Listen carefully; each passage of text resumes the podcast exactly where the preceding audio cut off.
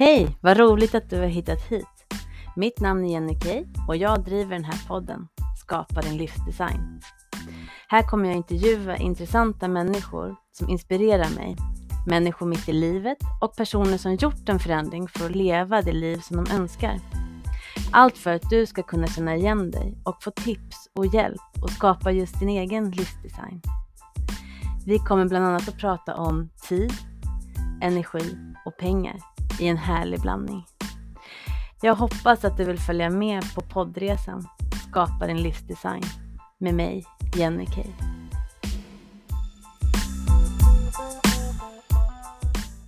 I dagens avsnitt så träffar jag Camilla Ström som driver Milandante. Hon är föreläsare och driver kreativa kurser och medlemstjänster. Hon är även en eh, helt nybliven eh, författare. Hennes bok släpptes här i dagarna som är en självbiografi i dagboksformat som handlar om hennes eh, resa ur förlamning. När hon var 37 år gammal så hamnade hon i en helkroppsförlamning och låg på intensiven i respirator i sex månader. Och det här berättar hon om vägen tillbaka. Och eh, det är ett otroligt spännande samtal om livet som ja, berg och dalbana och att man verkligen ska ta vara på tiden och och göra det man brinner för. Att man får in de här eh, magiska ljusglimtarna i vardagen som är så viktiga. Dagens avsnitt sponsras av Minova coaching och mina coachingprogram. Är du nyfiken på vad ett coachingprogram kan ge dig? Gå då in på min hemsida minova.se för att läsa mer om mina tjänster. Där har du mina olika coachingprogram och eh, då kan du välja vad som passar dig. Så in och kika där på menova.se. Idag så har jag Camilla Ström med mig och vi sitter ju här via Zoom. Välkommen Camilla! Hej och tack så mycket! Så roligt att få vara med. ja, det ska bli superspännande att få höra lite mer om det. Jag har ju sett mycket nu i flödet och på sociala medier om din bok och och så. Jag tycker det låter jättespännande. Men kan inte du berätta lite kort om dig själv och din bakgrund? Ja, eh, jag kan säga att jag, jag är ju 52 år nu och i 40 år så hade jag en dröm om att få leva kreativt och skapa, eh, skapa olika saker eh, som ploppade ur min popcornhjärna, som har gjort det hela mitt liv. Liksom. Men jag vågade aldrig ta tag i den där drömmen. Jag vågade aldrig visa riktigt vad jag skapade och jag gick lite andra kringelikrokvägar och intalade mig att jag levde kreativt och att jag gjorde ungefär det jag ville och sådär. Men eh, det insåg jag sen när jag vid 36 års ålder blev väldigt sjuk. Eh, jag drabbades av en neurologisk sjukdom som gjorde mig totalt förlamad. Mm. Och då låg jag ett år på sjukhus, eh, varav sju månader på IVA och eh, sex månader respirator och tre månader nedsövd. Och då insåg jag att jag vill inte dö nästa gång. Någon, någon gång ska vi ju dö. Ja. Och då vill inte jag ångra mig så som jag gör nu när jag ligger här. Att jag inte lyssnade på mitt hjärta och gjorde det som jag ville göra. Och det var så stark, stark känsla så att alla de där rädslorna och allt det där som jag hade liksom eh, parerat undan, det, det var inte alls lika farligt längre jämfört med att dö och inte göra det som eh, jag ville göra. Mm. Så ur det, när jag var i 40 där, så drog jag liksom igång efter jag hade rehabiliterat mig och kommit tillbaka till livet och sådär. Så drog jag igång eh, och startade, jag gick direkt från sjukskrivning till att starta företag för jag kunde inte heller, jag satt i rullstol på den tiden och jag liksom hade svårt att gå tillbaka till eh, jobbet som dramapedagog som jag var utbildad mm. i. Och, ja, så då, då startade jag eget och kände att nu ska jag fylla den här säcken med precis de godsakerna som jag alltid har drömt om. Och det är väl det jag håller på med sedan dess. Jag har gått, eh, vad är det, 11 år, 12 år nu. Och jag känner att jag fyller den och det ändras lite och ja. Så. Ja men vad härligt att du har hittat din, ja, men din kall eller din dröm kan man ju säga. Men jag är lite nyfiken på neurologisk sjukdom, sa du, är det, kom det av att, du, att det var stress eller var det, är det någonting som bara kan pocka, pocka upp? Ja, den kan, den, den kan bara komma. Man brukar säga att eh, de flesta får den från infektionshållet, till exempel av att du har ätit rött eh, kycklingkött som inte är mm. tillräckligt tillagat. Men jag fick den från inflammationshållet och då tror både jag och mina läkare att jag fick den, alltså jag hade en utmattningsdepression i botten. Eh, två år tidigare hade jag varit sjukskriven i två år. Mm. Eh, och eh, den stressen tror man triggade igång sjukdomen i mig. Jag mm. fick en reumatisk sjukdom och så fick jag ett jätteskov av den som gav då den här förlamande sjukdomen. Så att absolut, eh, så idag är det en viktig pusselbit för mig att aldrig någonsin hamna där igen i den stressen. Mm. Ja, det kan jag förstå. Stress är ju otroligt farligt, vilket många inte tänker på, för det är ju, kan ju trigga igång väldigt mycket sjukdomar. Även som cancer har de forskat till att det kan ju också komma av negativ stress, att det kan trigga igång saker och ting och även Ehm, ja, men diabetes och sånt också. Det är mycket sjukdomar som kan komma av stressen och ibland så tar man inte de här tecknena tecknen på allvar. Jag tar, pratar från egen erfarenhet också, för jag var också i ett, jag tyckte det var jätteroligt mitt yrke som jag hade, men det var också att det var väldigt mycket stress, mycket press utifrån och jag kände att jag inte riktigt kunde bestämma över min tid, mitt liv själv, även fast jag var egen företagare då också, men tillsammans med eh, en, en del av mina familj, familjemedlemmar. Men då var det också att jag kände att ibland så tappade jag halva ansiktet. Det kom ju så långt att jag åkte till jobbet fast jag grät och sen så bara ruskade man till sig och sen så gick man in och körde för att på något sätt så var det ju det man skulle, alltså man är så programmerad så att att inte se tecknen, nu vet inte jag för du hade något tecken innan, men det är ju inte så konstigt att man inte lyssnar på det, för man tror ju att det bara, ja, men det går bara över. Alla gör så här, man jobbar ju så här. Utan... Precis. Och ja, absolut, jag hade jättemycket tecken innan. Mm. Och eh, det är väl bra på ett sätt för att ibland när jag kör lite för fort, även idag, så känner jag ju av de tecknen. Alltså, aha, det är det. Mm. Mm. Irritation eller vad det kan vara. Så bara, oh, oh, det där är en av mina varningssignaler, vilket jag inte alls förstod på den tiden. Nej. Utan eh, då var det något yttre det var fel på eller något sånt där istället. Liksom. Mm. Ja. Men du jobbade som dramapedagog, så då har du jobbat med kreativitet eh, ja. även då? Ja, det var liksom den vägen jag valde. Ha, hur kan jag leva så kreativt som möjligt och, och göra någonting som ligger ändå inom mitt intresseområde men ändå leva på det liksom och, och göra som man skulle och göra, skaffa, skaffa anställning och, och gå den trygga vägen. Liksom. Mm. Det, jag trodde att det var ett jättestort behov av mig, hos mig och det var det också. Trygghet är också ett, ett behov men eh, friheten är ännu större för mig har jag förstått senare. Så att, eh, mm. Mm. Hur, hur började det? Du sa att du nästan direkt på grund av flera omständigheter, att du sa att du inte riktigt kunde gå tillbaka till ditt jobb för du satt i rullstol. Det kanske blev för tungt och jobbigt, för svårt antar jag. Eh, men hur, hur gick det tillväga för att bara helt ändra riktning, även fast det är samma genre så är det ju stort steg. Precis. men jag, hade, jag hade lite tid på mig. Jag hade ju några år där, först under rehabiliteringen. Eh, eller, alltså det kändes som att det fanns tid och där handlade det jättemycket om att kartlägga mitt, mina behov och, och mitt liv och vad är, det, vad är det egentligen jag är intresserad av och vad är det i det här kreativa, vad är det där som är roligast och viktigast? Och, och jag vet att jag skapade en, eh, en eh, solen som jag kallar det, ett balansverktyg där jag liksom mm. ritade upp hela mitt liv, alla mina, mina tårtbitar. Vad, bara för att, jag, att det står yrke på en tårtbit, vad betyder det för mig och vad innebär det och vad är viktigt där i och, och sådär. Mm. Så jag verkligen kartlade eh, mycket och då hittade jag också gamla papper gamla drömmar, tittade igenom det. Och, och, då såg jag att det stod samma sak i alla papper, i alla listor, i alla visionstavlor. Jag hade jobbat jättemycket med mm. mina drömmar, men inte tagit ett enda steg.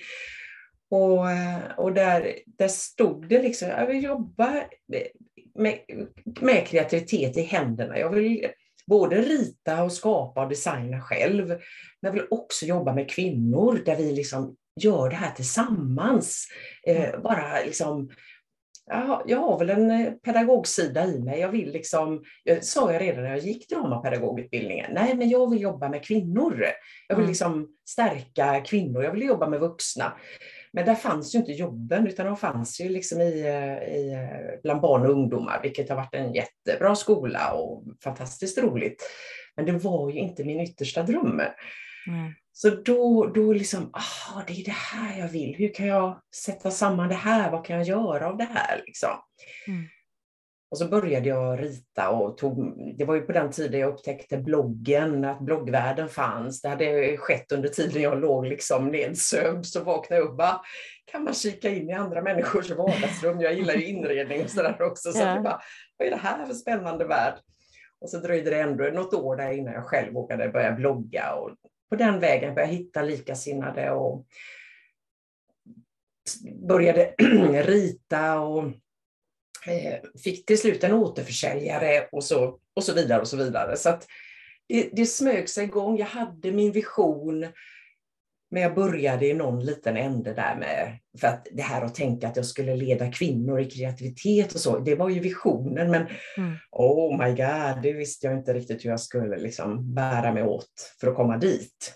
Nej, jag tycker det är så spännande, för ofta är det ju att man har en vision säger du, många gör de här moodboards och så, att man vet egentligen vart man vill, men sen så är det så svårt att veta hur tar man första steget, hur kommer man dit, för det känns så ouppnåeligt.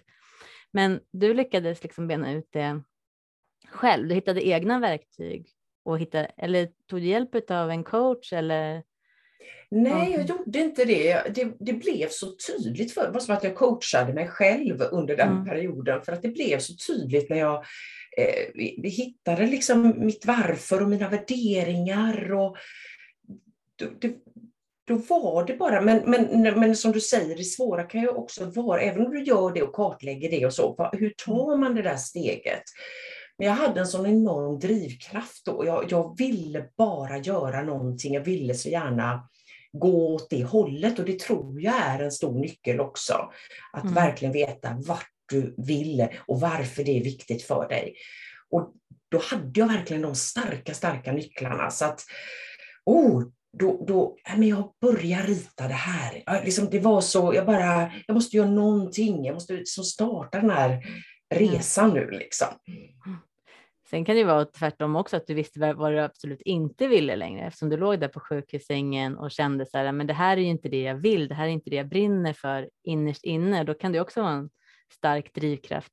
Ofta när det händer någonting negativt så blir det kanske att det blir en livsförändring eh, på grund av det, att man känner att ja, tiden är för kort, lite som du sa, jag vill inte dö så här, jag vill ju alltså, uppleva mera, få skapa mera och också Exakt. kanske delge det som du verkligen älskar till andra. Det låter lite som med community och det här att man får likasinnande.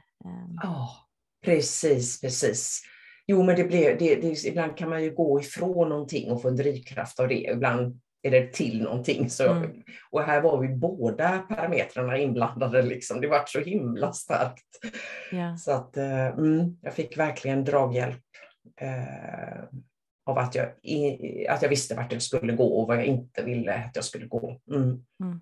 Men har du känt någonting med prestation? Jag tänker kreativitet och när man målar och skapar, då är det ju eh, väldigt personligt det man gör. Om man säger starta ett eget bolag, ifall du är egenföretagare så blir det som ja, men en bebis eller så där. Man tar verkligen inte hand om och man vill skydda den och eh, ibland kan det vara lite läskigt att bara gå utanför boxen och verkligen börja sälja och få in folk i drivet, även fast man vet att man verkligen vill det och att det skulle gynna andra. Men här blir det ju ett steg till, att här är det ju ja, dels så ska du ju hjälpa andra att driva personer framåt, men sen så säljer du ju även det du skapar, vilket blir ju kanske ytterligare steg med personligt. Har du känt ja. någonting där med prestationsångest eh, eller prestationsprinsessa som man pratar om? Har du känt någon så att det har varit eh, någonting du har fått jobba med för att komma vidare? Verkligen, och jag får jobba med det hela tiden. Mm. Och för mig hjälper det att tänka att jag kan inte riktigt komma ifrån det, för att när man lever kreativt och skapar nytt så är det läskigt. Det är mm. som att ställa sig på torget naken varenda gång. Kom och titta! och det, det, det, det är förbaskat läskigt. Liksom. Men när jag har identifierat det, att ja, det är, det är det. Jag kommer inte ifrån det. Det ingår i paketet. Annars mm. kan jag heller inte utveckla eh, det jag vill skapa. Och, och, jag, kan inte, jag kan inte fortsätta min resa. För jag vet inte exakt hur resan ser ut. Det är eh, liksom lite synonymt med att, att leva kreativt. Jag vet inte exakt vad det väntar där framme. Även om jag har min vision så händer det så mycket på vägen. Mm. Så det, det, är läskigt. Det är läskigt att bli inbjuden till en podd. Det är prestation liksom hela tiden. Men eh, det andra står över. Att ja, jag vill leva det här. Jag vill inte ångra det här att jag tackade nej till roliga utmaningar mm. eh, när jag ligger där. Så jag har hela tiden den eh, ja, det är med mig bakom mig liksom, som liksom pushar mig framåt. Ja. Mm. Så att eh, så ja, och jag, så jag tror mycket på det att inte, om man nu känner den här prestationsångesten så acceptera den istället för att liksom plocka bort den på något sätt. För att det går inte riktigt. Eh, mm. Eller kan du det så är det toppen. om du inte känner det så är ju suveränt. Men om du inte kan det så acceptera den. Ja, det är så här det känns att dela med sig. Och så brukar jag också tänka, för det kommer ju så mycket sånt där, vem är jag, vem är jag att jobba med det här, eller vem är jag att skapa det här, och det finns ju så många som är så mycket bättre och allt det där. Ja, det kommer det alltid finnas. Mm. Det finns det överallt, i alla sammanhang. Det är så många som är tusen gånger bättre än mig. Men det är fortfarande mitt liv. Mm. Vad vill jag göra? Hur vill jag leva? Så, och då, ja men då gör ni det som ni vill så gör jag det som jag vill. Och jag tror att det finns en plats för oss alla i det. För vi har samma, jag kan ha samma budskap som jättemånga andra. Mm. Om jag till exempel vill nå ut med min medlemstjänst eller mina kurser. Och, ja, men det finns jättemånga som jobbar på liknande sätt. Men jag vill ju inte alltid köpa av eh, Nisse, utan jag kanske vill köpa av eh, Beata istället. Liksom, för mm. där har jag något, något jag känner igen. Vi, vi uttrycker oss på olika sätt. Och, ja, så det, det finns en plats för oss alla. Liksom. Mm. Ja, så tror jag också. Det är som du säger om personer också, men det är samma sak egentligen med matvarubutiker när man går. Vissa gillar att handla på Willys och vissa gillar att handla på Ica och vissa gillar att handla på Coop. Att man får något sätt en, en känsla för det man oh, gillar precis. och så håller man sig oftast till det. Att... Exakt. Men tycker du att det blir enklare? För jag kan tycka att när, när jag startade mitt coaching eh, företag, då var det ju läskigt i början för att man kände att vad alla ska tycka och tänka. Och eh, sen så är det inte så många, alla har ju sin, sina egna issues, så att de flesta tänker ju inte så mycket på vad andra lägger upp eller vad andra gör. Och så. Exakt. Men jag tänker när man tar ett steg och börjar göra en sak, det kan vara vad som helst som att börja på sociala medier, att när man väl har postat någonting, att då blir det lättare att göra det nästa gång och samma sak ifall att man ja, börjar visa saker kanske man har skapat så blir det lättare att göra det nästa gång. Rädslan liksom minskar ju och sen när man ska göra någonting nytt och komma utanför den här comfort, comfort zone, då blir man ju lite sådär, ah, men då brukar jag ja, tänka, vad är det värsta som kan hända? Och så, och så ifall man tänker åt det hållet så är det, det är inte så farligt. Eh, Nej. Oftast. Vi dör oftast inte av att ha testat en idé. Liksom. Nej men precis. Och absolut att det minskar. Det, det, att man blir modigare och du har gjort en sak. Så jag brukar säga att när det är något nytt så, så, så känns det ibland som man hoppar från en skyskrapa och sen när du väl har gjort det så är det liksom ja, det var väl mer som en trottoarkant efteråt. Liksom. Ja, och så går man vidare. Och det tror jag vi alla kan känna igen oss i, att man, vågar inte skaffa barn eller söka det jobbet eller ta huslån eller vad det är, stora mm. grejer. Liksom. sen när man väl har gjort det, nej men vadå, det är inte så märkvärdigt. Alltså det, ja, känns det naturligt. Jag tror, jag vet inte, men jag har för mig att jag läste på din, jag tror att det var på Instagram, när du skulle ha din bok eh, releasefest där. Då mm. fick du väl också någon så här lite, eh, jag kommer inte ihåg vad du skrev, men du skrev så här, åh nej, jag ångrar att jag skrev ja, boken eller något sånt. precis. Precis samma känsla som jag hade en utställning första gången. Så både, det, det var liksom exakt samma känsla. Jag, jag tänkte på den där utställningen. Jag bara tänkte, är jag helt dum? Vad är, varför utsätter jag mig för det här? Ungefär som när jag skulle föda andra barnet. Kommer in till BB och bara, men snälla någon, du lovade dig själv att aldrig göra det här igen. Så det, absolut, eh, då, då, kommer liksom eh, någon och knackar på axeln och undrar liksom, vad är det här? Vad håller du på med egentligen? Vad ska det här? Kan du verkligen det här? Och vem tror du att du är? Och allt det här är som en stor klump liksom. Mm. Men eh, det var som jag skrev i det inlägget också, att ja, ja, du får vara här. Du får, varsågod, käka och njuta en stund. Så, så jag tänker ändå göra det här. Mm. för att eh, det här vill jag. Det, här, det vet jag att jag vill och nu gör jag detta oavsett om eh, rädslan knackar på eller inte. Mm. Var det självklart för dig att skriva en bok? Är det en dröm som du haft tidigare eller var det någonting för jag har sett eh, de som har läst boken. Jag har tyvärr inte läst boken. Jag pratade om det innan. Jag har dyslexi så du, du släppte boken ganska nära inpå så jag skulle aldrig hinna läsa. Det skulle bara bli stress eh, ja. för mig. Så jag får köpa den nu och läsa den efter ja. jag haft den här intervjun. Men var det alltid självklart? För du har fått jättemycket fina lovord. Det verkar som att det är en fantastisk bok som du har skrivit lite som dagboksformat om jag förstår det rätt. När jag har läst precis. dina recensioner. Precis, det blev en bok i dagboksformat och eh, nej, jag har egentligen inte haft någon sån här författardröm eller jag har alltid tyckt om att skriva. Jag har gått mycket utbildning i skrivande och, och liksom älskar att skriva i alla dess former. Men jag gillar att skriva fritt. Så när jag gick så här skriva, jag vet jag gick någon skriva barnbokskurs och där, så bara, åh nej, det är så fyrkantigt och jag vill inte stoppas in i det här facket och, och det ska vara på rätt sätt och så där. Så det, det nej, jag, jag, har inte haft den drömmen, men jag, efter sjukdomen så började jag föreläsa inom vård och omsorg, för de ville höra min eh, historia. Mm. Och då har de, liksom, det kommit därifrån att, ja, men har du inte skrivit en bok, du skulle skriva ner den här historien och sådär. Och då kände jag att ja, men det, det, det vill jag nog göra också för att inte glömma själv. Mm. Så jag började skriva väldigt tidigt eh, och skrev, liksom, skrev ner allt det jag mindes från den tiden, vilket jag är oerhört glad för nu. Så att alla de där detaljerna kom med. Liksom. Och sen, är det från patientperspektiv som du har föreläst till eh, sjukhus? Och... Ja, precis. Mm. Om bemötande som räddar liv. För det är, så jag, eh, det är så det var, att jag hade mm. aldrig orkat. Man vet inte varför jag överlevde. Jag var, liksom, jag var verkligen uträknad.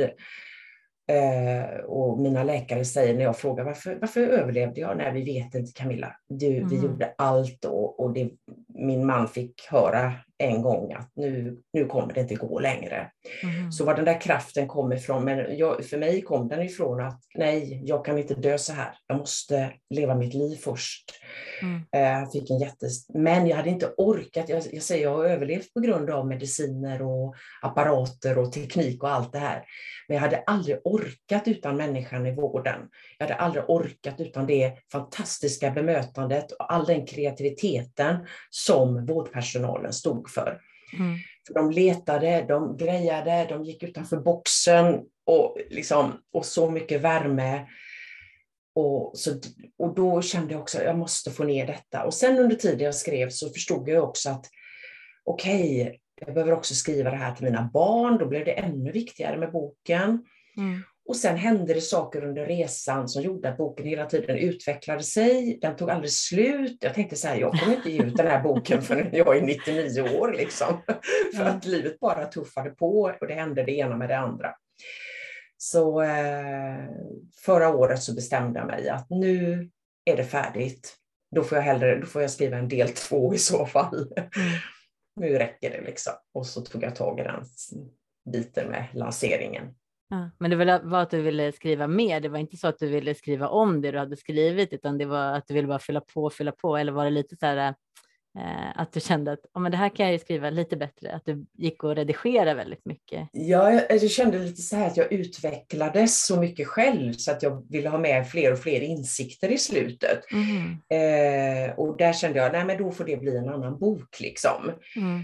Men eh, jag hade skrivit klart boken 2015, då var det också lanseringsfas. Då kände mm. jag så här, nu är det klart.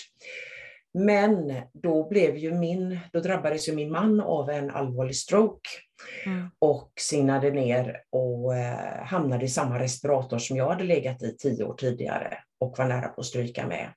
Vilket är ofattbart. Men i det, han lever idag även om han, han behöver hjälp, han har afasi och, och en eh, bestående hjärnskada och mm. epilepsi och sådär. Men han lever och han är i samma samma Johan och sådär, så det, det är liksom gott. Och det, boken handlar lite om det också då. Och då, för då, det, eller vad ska jag säga, det som jag hade skrivit innan, det var jag tvungen att liksom inte revidera, utan jag, jag fick så... Jag hade liksom, både i mina föreläsningar och i boken på något sätt så att avslutat med att ja, så gick det bra, så levde vi lyckliga alla våra dagar, ungefär så. Ja, okay, ja. Men så kom detta med Johan och då kom det upp så mycket sanningar och så mycket eh, bearbetning som jag förstod att vi inte hade, liksom, eller vi, jag inte hade liksom tagit tag i. Mm. Eh, jag var så full av kraft och energi och, och, yes, jag har fått ett liv till och nu ska jag göra det här och jag startar företag och yes, yes, yes. Ja. Eh, men bakom mig hade jag en familj som fortfarande var i sorg. Mm. Och jag eh, tyckte att jag liksom, ja, ja, men den kan vi prata om och sådär, men nu ska vi ha det gött, nu ska vi baka bullar och mysa och leva livet liksom. Och det var inte förrän jag som Johan låg i samma situation och jag blev anhörig som jag fick en käftsmäll. Mm. Där jag verkligen förstod, åh herregud, är det det här de har gått igenom? Mm. Mina älskade tonårsbarn och alltså jag, jag föll ner i en grop av den eh, liksom, insikten. Mm, Så att, mm. ja, det var jättetufft. Och då blev liksom Eh, då, då, då var jag tvungen att skriva lite till i boken eh, och få med lite av den historien också. De, eh, det blev en annan och när jag också blev ärligare mot mig själv och vågade titta på mitt mörker, inte bara det ljusa, alltid sträva efter det ljusa och det roliga, eller ja, det, det glada och härliga liksom. Och tycker att men det är så livet ska vara. Men det finns ju ett mörker, det finns eh, det, finns det som skaver och, och, jag har jättemycket bakåt i min historia som, som skaver. Och när jag väl då började plocka fram det, jag är fortfarande på den resan, eh, men då känns ju det ljusa ännu ljusare och mm. Eh, livet ännu mer komplett. Så att det har varit en otrolig resa sedan 2015. Och det är den jag är på, det är därför boken liksom aldrig tar slut. Men nu, nu satte jag stopp där så att den här historien får liksom Landa. komma ut. Mm. Ja, jag tänker som du säger, då kan det verkligen bli en till historia. Och jag kan verkligen också relatera till vad du säger att när man ligger i det, nu har jag aldrig varit på sjukhus eller på sådär så, så att det är så allvarligt. Men när man står utanför har jag gjort. Min mamma eh, dog i cancer för två år sedan och hon haft, hade cancer i tolv år så vart hon eh, frisk emellan fast inte friskförklarad för det fanns hela tiden latent i kroppen. Men till slut för två år sedan så orkade hon inte och då dels bodde ju hon, vi byggde ett hus på tomten så att hon bodde hos oss så jag tog hand om henne eh, det sista, ja det var väl ett halvår lite mer än det, nästan ett år egentligen, nio månader som hon var, var sjuk igen och då tog jag hand om henne eh, under tiden tills hon behövde åka in till sjukhus och ligga där. Och mitt i corona fick vi faktiskt vara där. Vi är många syskon, så vi var ju fyra eh, syskon som var där och jag bodde där hela, hela veckan. Jag åkte bara hem och duschade så kom jag tillbaka. Men man känner ju sig väldigt hjälplös och även, men där är också vårdpersonalen som du sa var fantastisk mot dig som du märkte. Och det måste jag säga att det var de ju verkligen, verkligen mot oss också. Um, hela vägen och verkligen försökte in i kaklet att hon skulle bli bra. De hjälpte till och med till att ta ut henne med sina hissar och så här, för att hon skulle liksom få lite ja, men, solljus på höstkanten och så där. Um, så, men det, det är ju väldigt jobbigt och en sorg för alla runt omkring uh, och en oro att det kommer tillbaka tror jag. För så hade vi med mamma, att det var så här, hon gick ut på regelbundna kontroller och så där. Och, men hela tiden var man ju liksom rädd att det skulle komma tillbaka och rädd att förlora henne, vilket ja. vi då till slut eh, gjorde. Och mm. det var ju alldeles för tidigt eh, också eh, i hennes liv. Så att.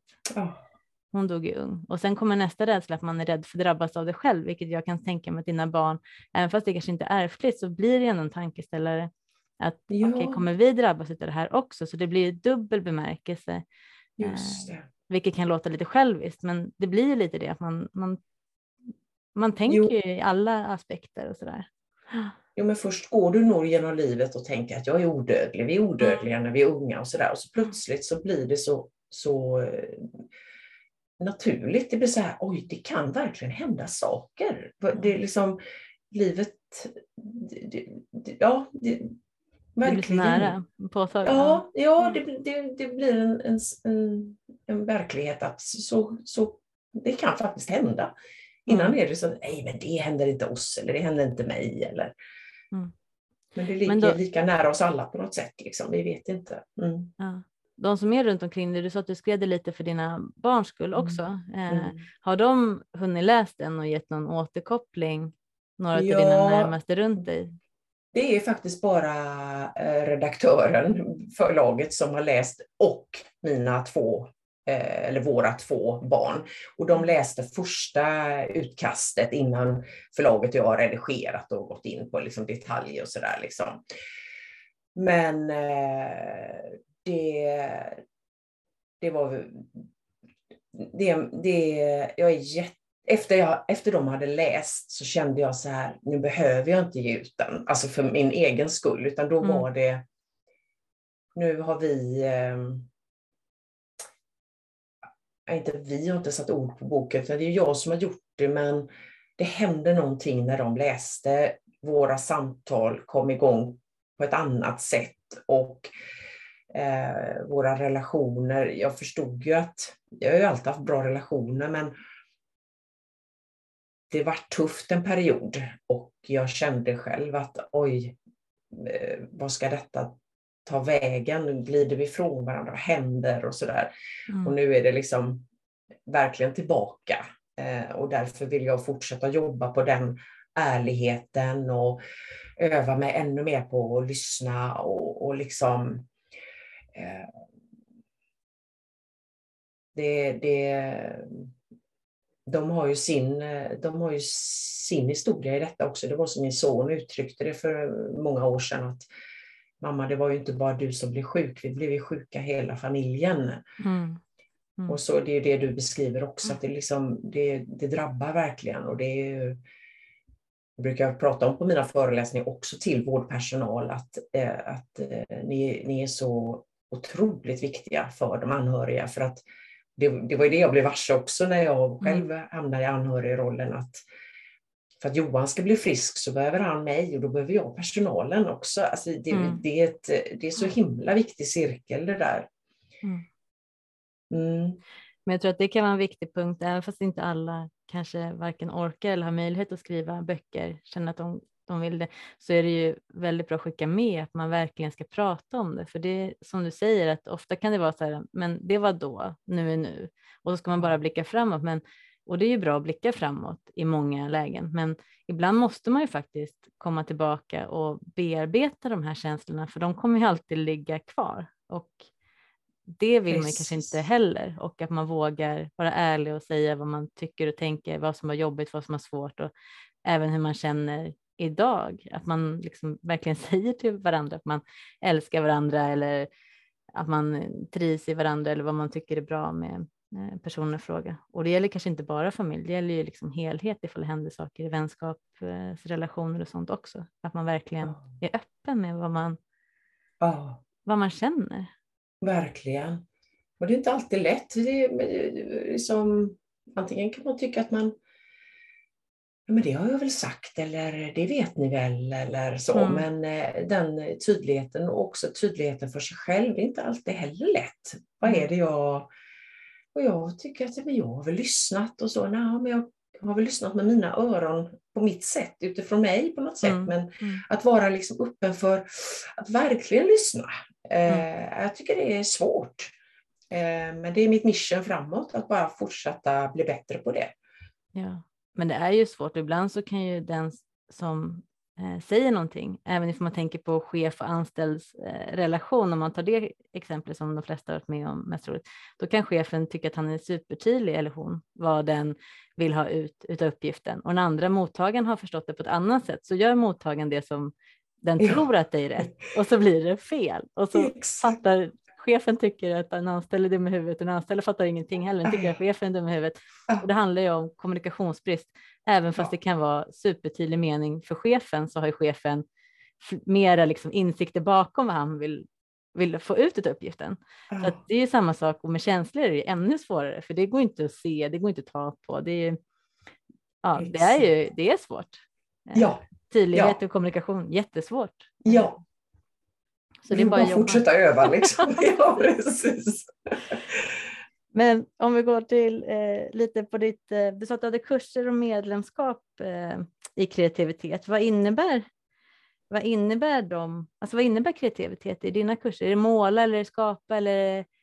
Ja, men det, det är ju... Eh, jag har ju i i kursen som är lite mer som en grundkurs, där, där jobbar vi med du kan vara kreativ inom eh, allt möjligt, inredning, måleri, eh, liksom, så det är inte en kurs där vi bara målar eller gör så. Vi jobbar praktiskt för det sitter mycket i händerna. Men vad vi framförallt gör i kursen det är att plocka fram vad, vad består din kreativitet av? Vad är det du vill göra?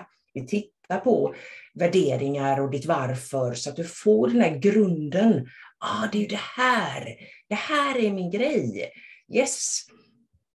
Och, och sen eh, för att komma igång och Många som har gått mina kurser, eh, en del är igång också men vet inte hur man ska komma vidare och liksom så. Då kan vi titta på det också. För det finns ju hinder och allt det här hela, hela vägen.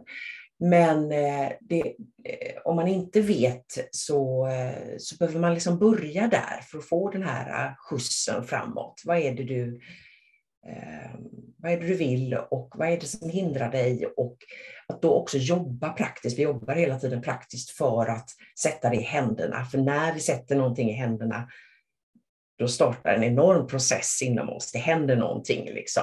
Mm. Men eh, vi jobbar inte med prestation, det ska inte bli fint, det behöver inte bli färdigt. Liksom, liksom, utan, men vi jobbar praktiskt.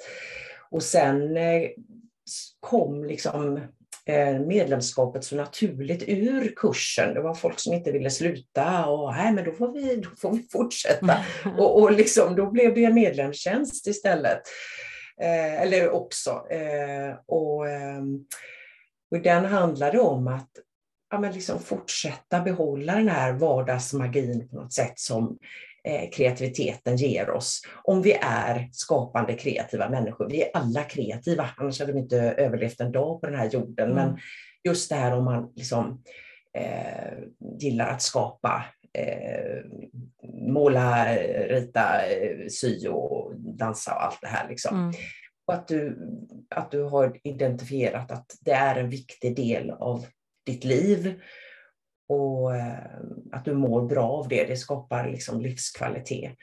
Då eh, är det fantastiskt att ha eh, likasinnade med sig. Så därför, vi, är, vi är en grupp på drygt 30 personer nu och det är liksom ja, det är så mycket eh, värme och, och pepp och, och eh, ja, kreativitet så att eh, jag blir lika inspirerad liksom tillbaka. Det är jättefint. Men jag kan ju förstå just det där eh, i medlemskapet som du säger med gemenskapen. Om alla är kreativa, nu verkar det vara otrolig eh, bredd på vad man kan vara kreativ i för att passa i din medlemstjänst. Men om man, är, om man brinner för någonting, det är inte säkert att ens närmaste gör det. Det kan ju vara som vad som helst som att rida eller som jag red mycket för, men jag älskar hund. Jag har inte så mycket vänner som varken har hund eller gillar hund som, som jag gör, så då kan det vara trevligt att träffa andra likasinnade som också har hund och vill träna hund och så här, så man kan prata om samma saker. För att, um, då, ja, det lyfter ju en och man får lite draghjälp i saker. Exakt. Och så har det också varit i mitt liv, att jag inte riktigt haft, eh, mina vänner är kreativa på, på andra sätt, men jag har inte mm. haft heller de här pyssliga personerna. Och som, jag, jag kan ju prata papper och pennor och, och, och, eh, samla, alltså jag kan ju prata om det här hela tiden och jag vill ja. vara i den här världen hela tiden och skapa fina saker och, och, och liksom utveckla och sådär. Och då, eh, ja, precis som du säger, eh, man kanske inte har dem i sin närhet, även om man har fina vänner i övrigt ja. och, och de är kreativa på andra sätt. Så, är otroligt viktigt. Så det, precis så känner jag också, att ja, men jag har skapat någonting där jag, som jag själv hade velat ha alla mm. de där åren när jag själv inte var kreativ. Och jag menar, vi går igenom hinder och, och, och vi möter ju när vi ska utveckla och greja och det kan ju också vara praktiska svårigheter som kunskap och teknik och sånt där som vi behöver och då är det så jäkla gott att bara kunna vända sig till en grupp och vi fattar alla, vi är alla på den resan liksom. Mm. Träffas ni bara digitalt eller har ni träffats någon gång i, i Nej, verkliga eh, livet också? Vi har inte träffats eh, i verkliga livet ännu, men det, är, eh, det står på min agenda att kunna bjuda in ganska snart. Nu är vi utspridda över hela landet så det, det, det, det är så, men, eh, men vi träffas digitalt och eh, fast tid och sen har vi lite workshops utöver det där vi går in på ett specifikt ämne och jobba med någonting och så vi praktiska övningar. Och, ja, mm. så det händer mycket i den men, eh, men det kommer någon live-träff snart. ja, jag kan tänka att då kan det bli ytterligare ett steg i den här om en gemenskap och magi om att få träffas några, några dagar och så bara ja nörda ner sig och, och, och jag man känner med varandra innan. Ja. ja. men precis, och jag bjöd faktiskt in mina medlemmar till bokreleasen. Mm. Eh, så några kom där och det, det, alltså, det går inte att beskriva att få träffas live när man inte har känt varandra innan. Man känner ju varandra, alltså, det funkar ju verkligen att jobba digitalt. Mm. Eh, vilket jag inte trodde från början. Jag tänkte, åh vad jobbigt. Och man, att föreläsa digitalt. Och, nej, och nej, det går ju inte och sådär. Men man har ju vant sig tack vare pandemin får man säga, ja. något gott ur det liksom. För man når ju så många som man inte hade nått annars liksom. Och kan få en annan kontakt. Mm. Verkligen en möjlighet för de som kanske inte bor i storstäder också. För i mindre städer finns det ju inte alla utbudsmöjligheter eh, som det finns i storstäder. Så Exakt. då är det jättefint. Och Exakt. man kanske inte kan åka iväg heller. Man kanske har barn som är små och behöver lägga, man kanske är ensamstående. Och, ja, ja. Då är det perfekt att göra det online. Mm. Det är så jag har fått bygga mitt liv nu också. Jag, ehm, med Johan som behöver liksom mig mycket hemma så mm. är det ju liksom guld att jag kan jobba online. Mm. Eh, då, då, kan jag vara på båda platser samtidigt. Liksom. Så att, eh, jättehäftigt. Var det hela tiden din intention att du skulle jobba online? Eller vad hade du funderat på att egentligen ha fysiska workshops? Ja, min, min eh, dröm från början var att, eh, eh, vilket fortfarande är min dröm och som jag håller på att se vad vi kan hitta på här nu framöver. Men det är att ha en egen studio, en egen lokal där vi kan samlas. Eh, och nu ser jag det mer som ett komplement att ja, jag kan göra det fysiskt också. Mm. Eh, men jag vill ju aldrig nu släppa online-verksamheten. Eh, och det var ju också något sånt där, apropå att utvecklas och inte kunna se hela vägen.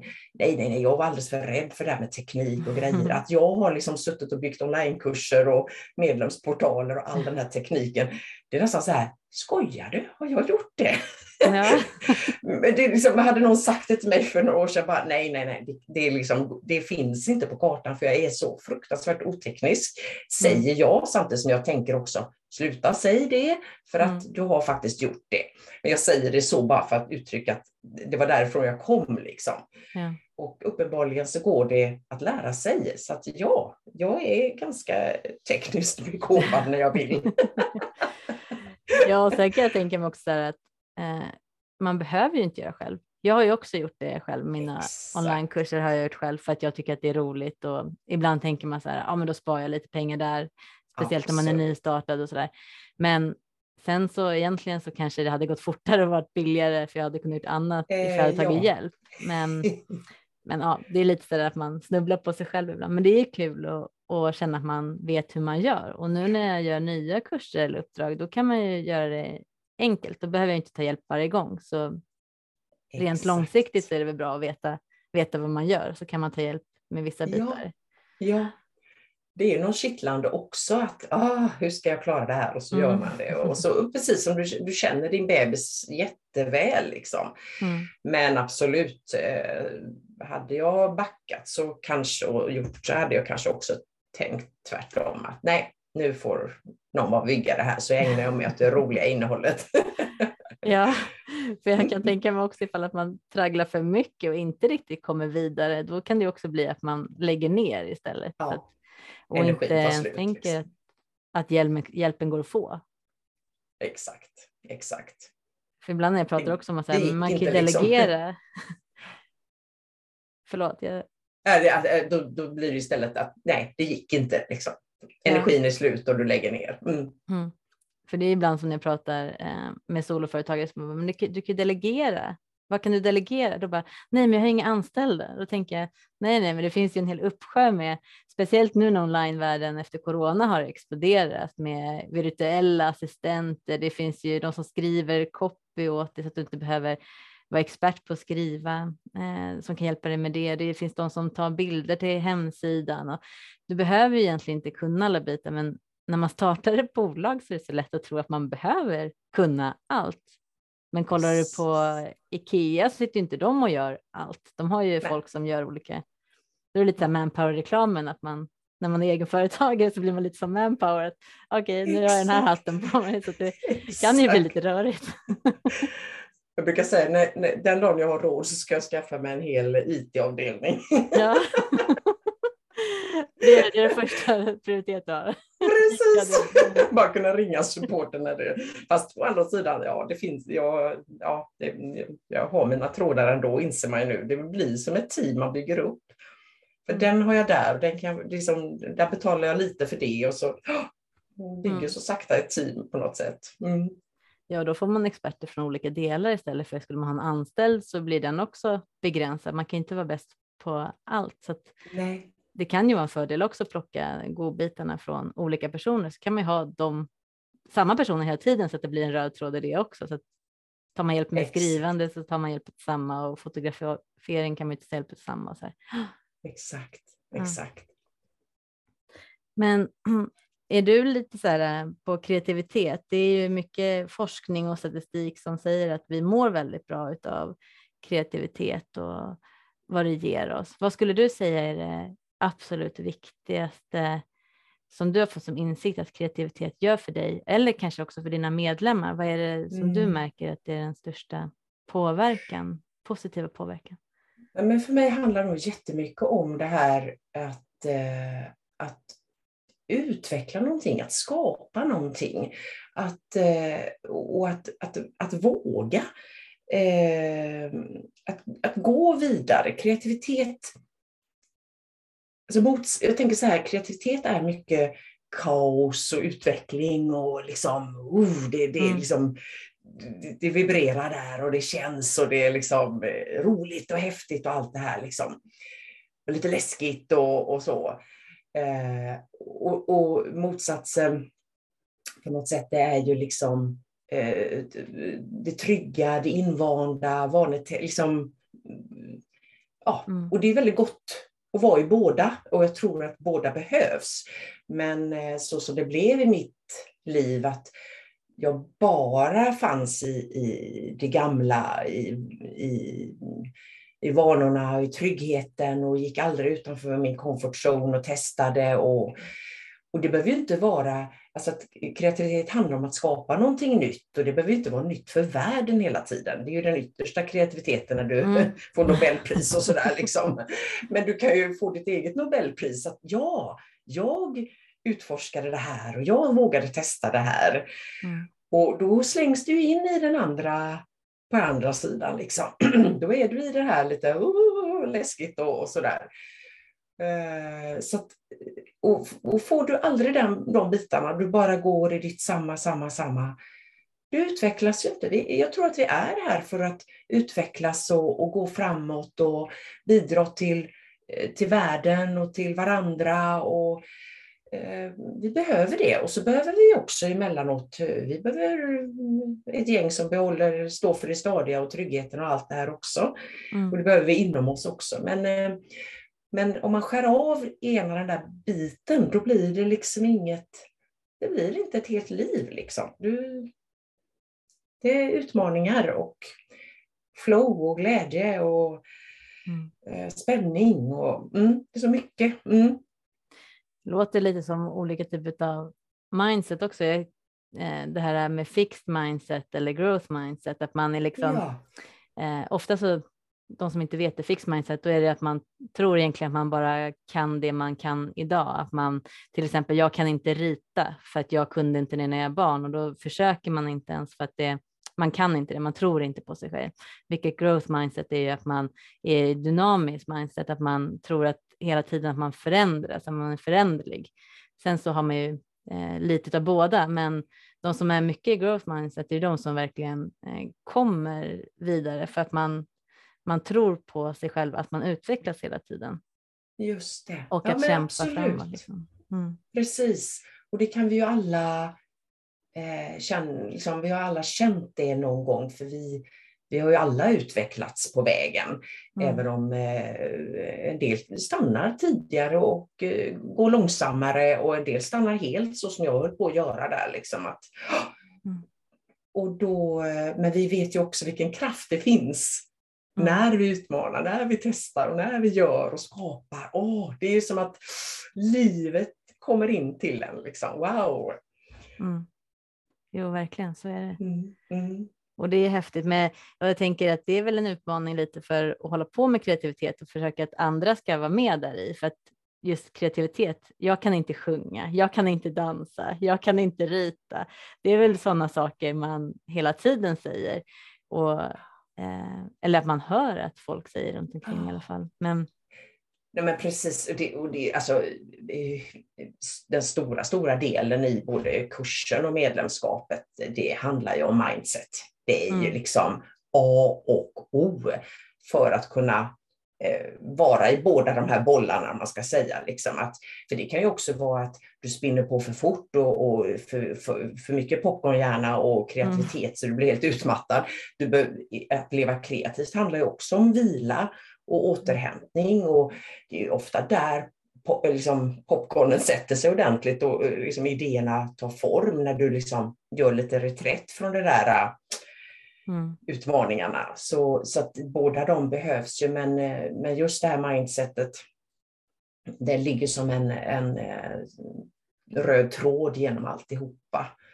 Mm. Eh, vi, ja, men vi har otroligt mycket föreställningar eh, om vad vi inte kan och sådär. Eh, för att vi kanske inte har testat det. Och vi har inte utmanat oss och liksom jag tror kanske inte att alla kan liksom åka till månen. Ja, alla kan väl kanske åka in så, men, men liksom, vi, vi, kan inte alla allting. Liksom. Det, och det behöver vi inte. Men det vi vill, det tror jag att vi kan, för det finns någonting inom oss. Vi, vi har ett syfte, vi har liksom Eh, och det behöver inte handla om så stora grejer. Ibland tror man att det måste vara så stort. Mm. Eller att vi måste skapa något stort för världen. Alltså nej, när jag låg på dödsbädden så, så handlade det jättemycket om att få, få, också få vara i stillhet med mitt skapande. Att mm. bara den här stunden, bara få sitta och rita. Vilket jag inte hade gjort på så många år. Jag var ju en ritande person som barn och tonåring. Men sen mm. kom familjelivet och allt och jag prioriterade bort mig själv. att bara ha den stunden, det är då jag känner att jag liksom lever fullt ut. När jag får ta fram mina block och rita mina mönster, sätta på en kopp kaffe, mm. ha tid för det och prioritera det. Det är det stora i mitt liv. Det var det jag längtade efter när jag låg där och höll på att förlora livet. Varför gjorde jag inte mer av det som ger mig sån glädje mm. och kraft? Och sen eh, såklart så är det ju jätteroligt när Ja, kan vi få köpa in det där mönstret du har ritat? Ja, oj, oj, oj, vad händer nu? Och, liksom, wow, och, och, och så våga nästa steg och så. Men det är fortfarande den här känslan som jag är ute efter mm. av att få leva det kreativa livet, att bara få ha den här liksom, eh, bubblan. Eh, mm. Det är det stora liksom. Ja, det är så himla lätt som du säger att prioritera bort sig, sig själv där. Och Verkligen. Även på de små enkla sakerna som egentligen inte behöver ta superlång eh, tid. Exakt, exakt.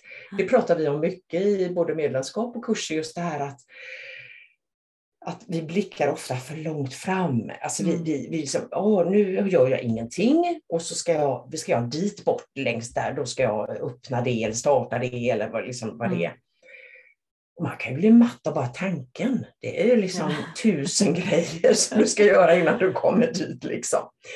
Men att då backa till den här känslan, för direkt när du tar ditt första steg och om vi säger att det är rita du vill göra och du vill få ut dina mönster, bara för att ge ett exempel, mm. så då är du ju redan på resan när du tar fram ditt papper och ditt material och sätter dig.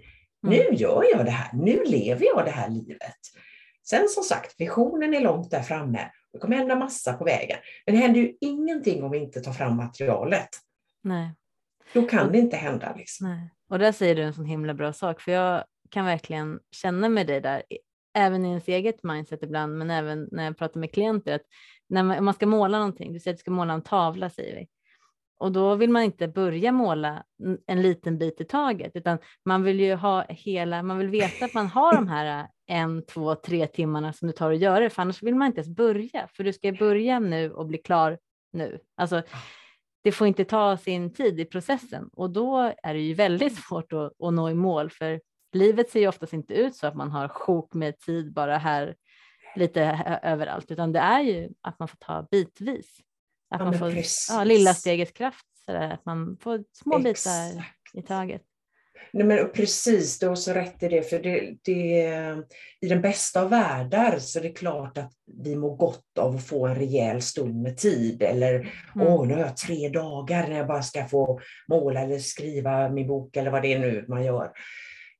Men om man inte kan få till det, om man verkligen inte kan det, mm. dels så tror jag att man kan titta på sitt livshjul och titta på sina liksom, resurser och vänta nu, går hitta det verkligen timmar. inte? Ja, det går. Liksom?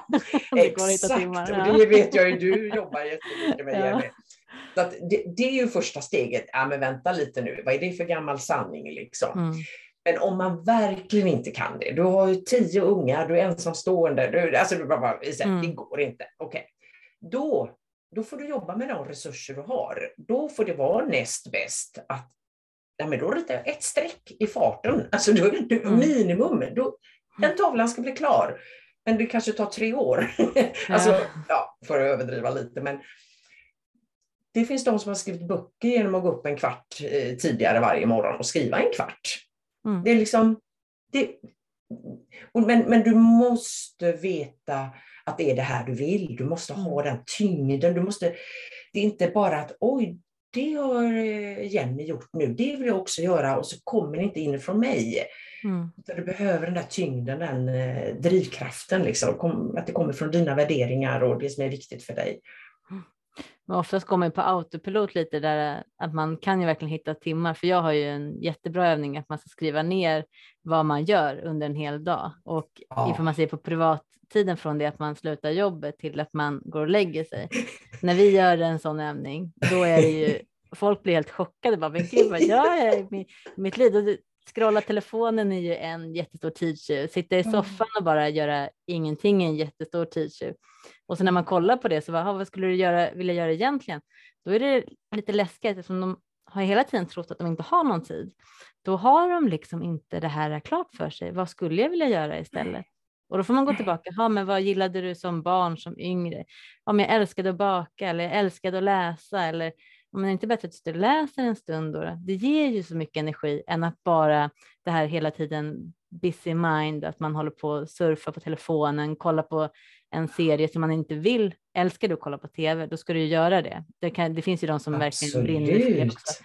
Men ja. gör man inte det, då får man ju verkligen gå tillbaka eller plantera blommor. Men det kan du också göra på kvällen egentligen. Alltså, Exakt. Ja, men, och du, du, precis, du, du, liksom, för om man, om man bara liksom gör det lite förenklat, när du sen ligger där på dödsbädden. Mm. Ja, men jag gjorde ett aktivt val. Jag älskar att kolla på TV. Jag, mm. det, det, det, det, var det jag valde. Jag, mm. jag tyckte det var mysigt. Jag har haft ett gott liv. Jag, jag gillar lugn och ro. Och, och, och liksom. Ja, då kan du inte ångra dig. Men, men om du kommer på, nej jag skulle inte ha gjort det där, då är det ju faran. Alltså, det handlar inte om vad du gör, bara du gör det som du, dina val liksom. Mm. Mm. Det är det, det, det, det fina i kråksången, att vi är olika och har olika behov. Liksom. Och, och det beror på vad vi har i ryggsäcken. Och det, här, snälla, man tänker att man kommer från krig rent ut sagt eller något trauma, eller, då, då, då kan ju tvn och tryggheten vara allt du behöver. Det är det här jag behöver nu. Mm. Och, och, och, är du nöjd med det och checkar av med dig själv. Sen tror jag att när vi väl har det så, så behöver vi utvecklas och så går vi vidare igen och sådär. Men om du då checkar av, ja men det är detta som jag, då kan du inte ångra dig. Nej, och livet ändras ju i olika faser vad man är. Som barn, Ex. vad man kanske gillar, ungdom, vuxen och sen ja, ännu äldre när man kanske går i pensionen. Då kan det också vara sådana saker man tappar lite sin identitet för det har man ju haft med jobbet och kollegor har ju varit ens vänner och sådär. Um, så att ja, man ska inte heller vara så rädd för att ändra på det man uh, tyckte och sådär. Att man känner efter lite oftare kanske. Nej men precis, gör en check då och då. Liksom. Är det är det mina värderingar och är, det det här? Och även om du inte är, lever exakt så som du vill i din vision eller liksom sådär, mm. så är jag på väg åt det hållet i alla fall. Mm. För att kunna säga till sig själv, ja men jag gjorde det jag kunde med de resurser jag hade. Jag gick i alla fall på min stig, även om jag, det tog tid och det blev kringelikrok där med. Men, ja. men jag hade liksom min stig framför mig. Ja, det tycker jag får bli ett fint sista ord där faktiskt. Man får hitta sin egen stig. Men. Camilla, eh, för de som är nyfikna på dig då, dels kanske på bara att veta mer, de kanske vill hitta din bok, din hemsida eller medlemstjänst, vart är det man hittar dig? Nej, men navet är ju hemsidan millandante.se och där hittar man länkar till boken och till eh, medlemsprogrammet som eh, kommer öppnas upp nu i slutet på oktober igen så är det dags att ta in lite nytt folk. Jag vill samla det så, så att eh, jag hinner med nya medlemmar och lotsa dem in i, i lugn och ro. Liksom. Mm. Så att eh, millandante.se och även eh, min stora sociala kanal är ju Instagram. Där heter mm. jag då Millandante. Om man vill följa lite där. Mm. Men superbra, det lägger vi också i avsnittsbeskrivning så att de kan gå in och klicka där så kommer de direkt till din hemsida och din Instagram. Ja. Men tack så jättemycket för att eh, jag fick prata med dig. Tack för din tid. Ja, tack själv för ett jättefint samtal. Tack Jenny. Tack. Ha det gott. Detsamma. Hej. Hej.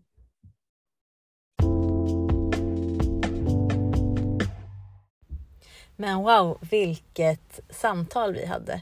Det var faktiskt helt eh, fantastiskt att få prata med Camilla eh, under en längre tid som vi gjorde idag.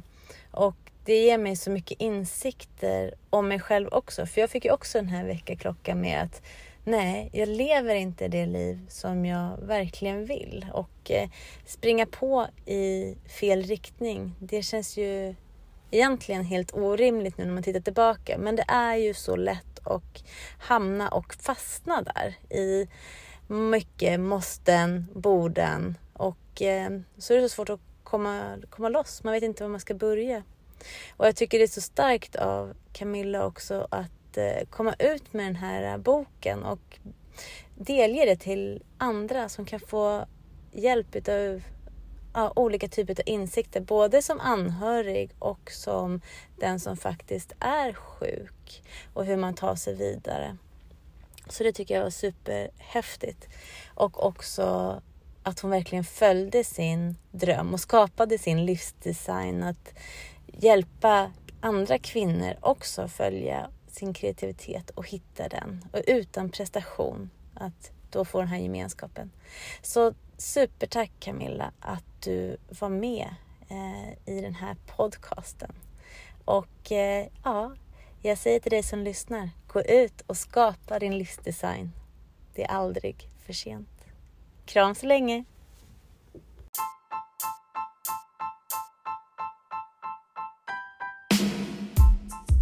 Blev du nyfiken på mig eller på Camilla och vad vi har att erbjuda just dig för att ta dig vidare i eh, livet eller karriären eller som Camilla hjälper till med kreativitet. Då är ni så välkomna att gå in på avsnittsbeskrivningen och eh, kika där. För där lägger jag länkar till både Camilla och till mig. Och sen så skulle jag vara superglad om du gillar det här avsnittet att du delar det i sociala medier eller kanske berättar för en vän att den bör lyssna på det här. Eller varför inte gå in och ge eh, några stjärnor för podcasten. Allt för att det ska kunna spridas till fler för att hjälpa andra människor att också kunna skapa sin livsdesign.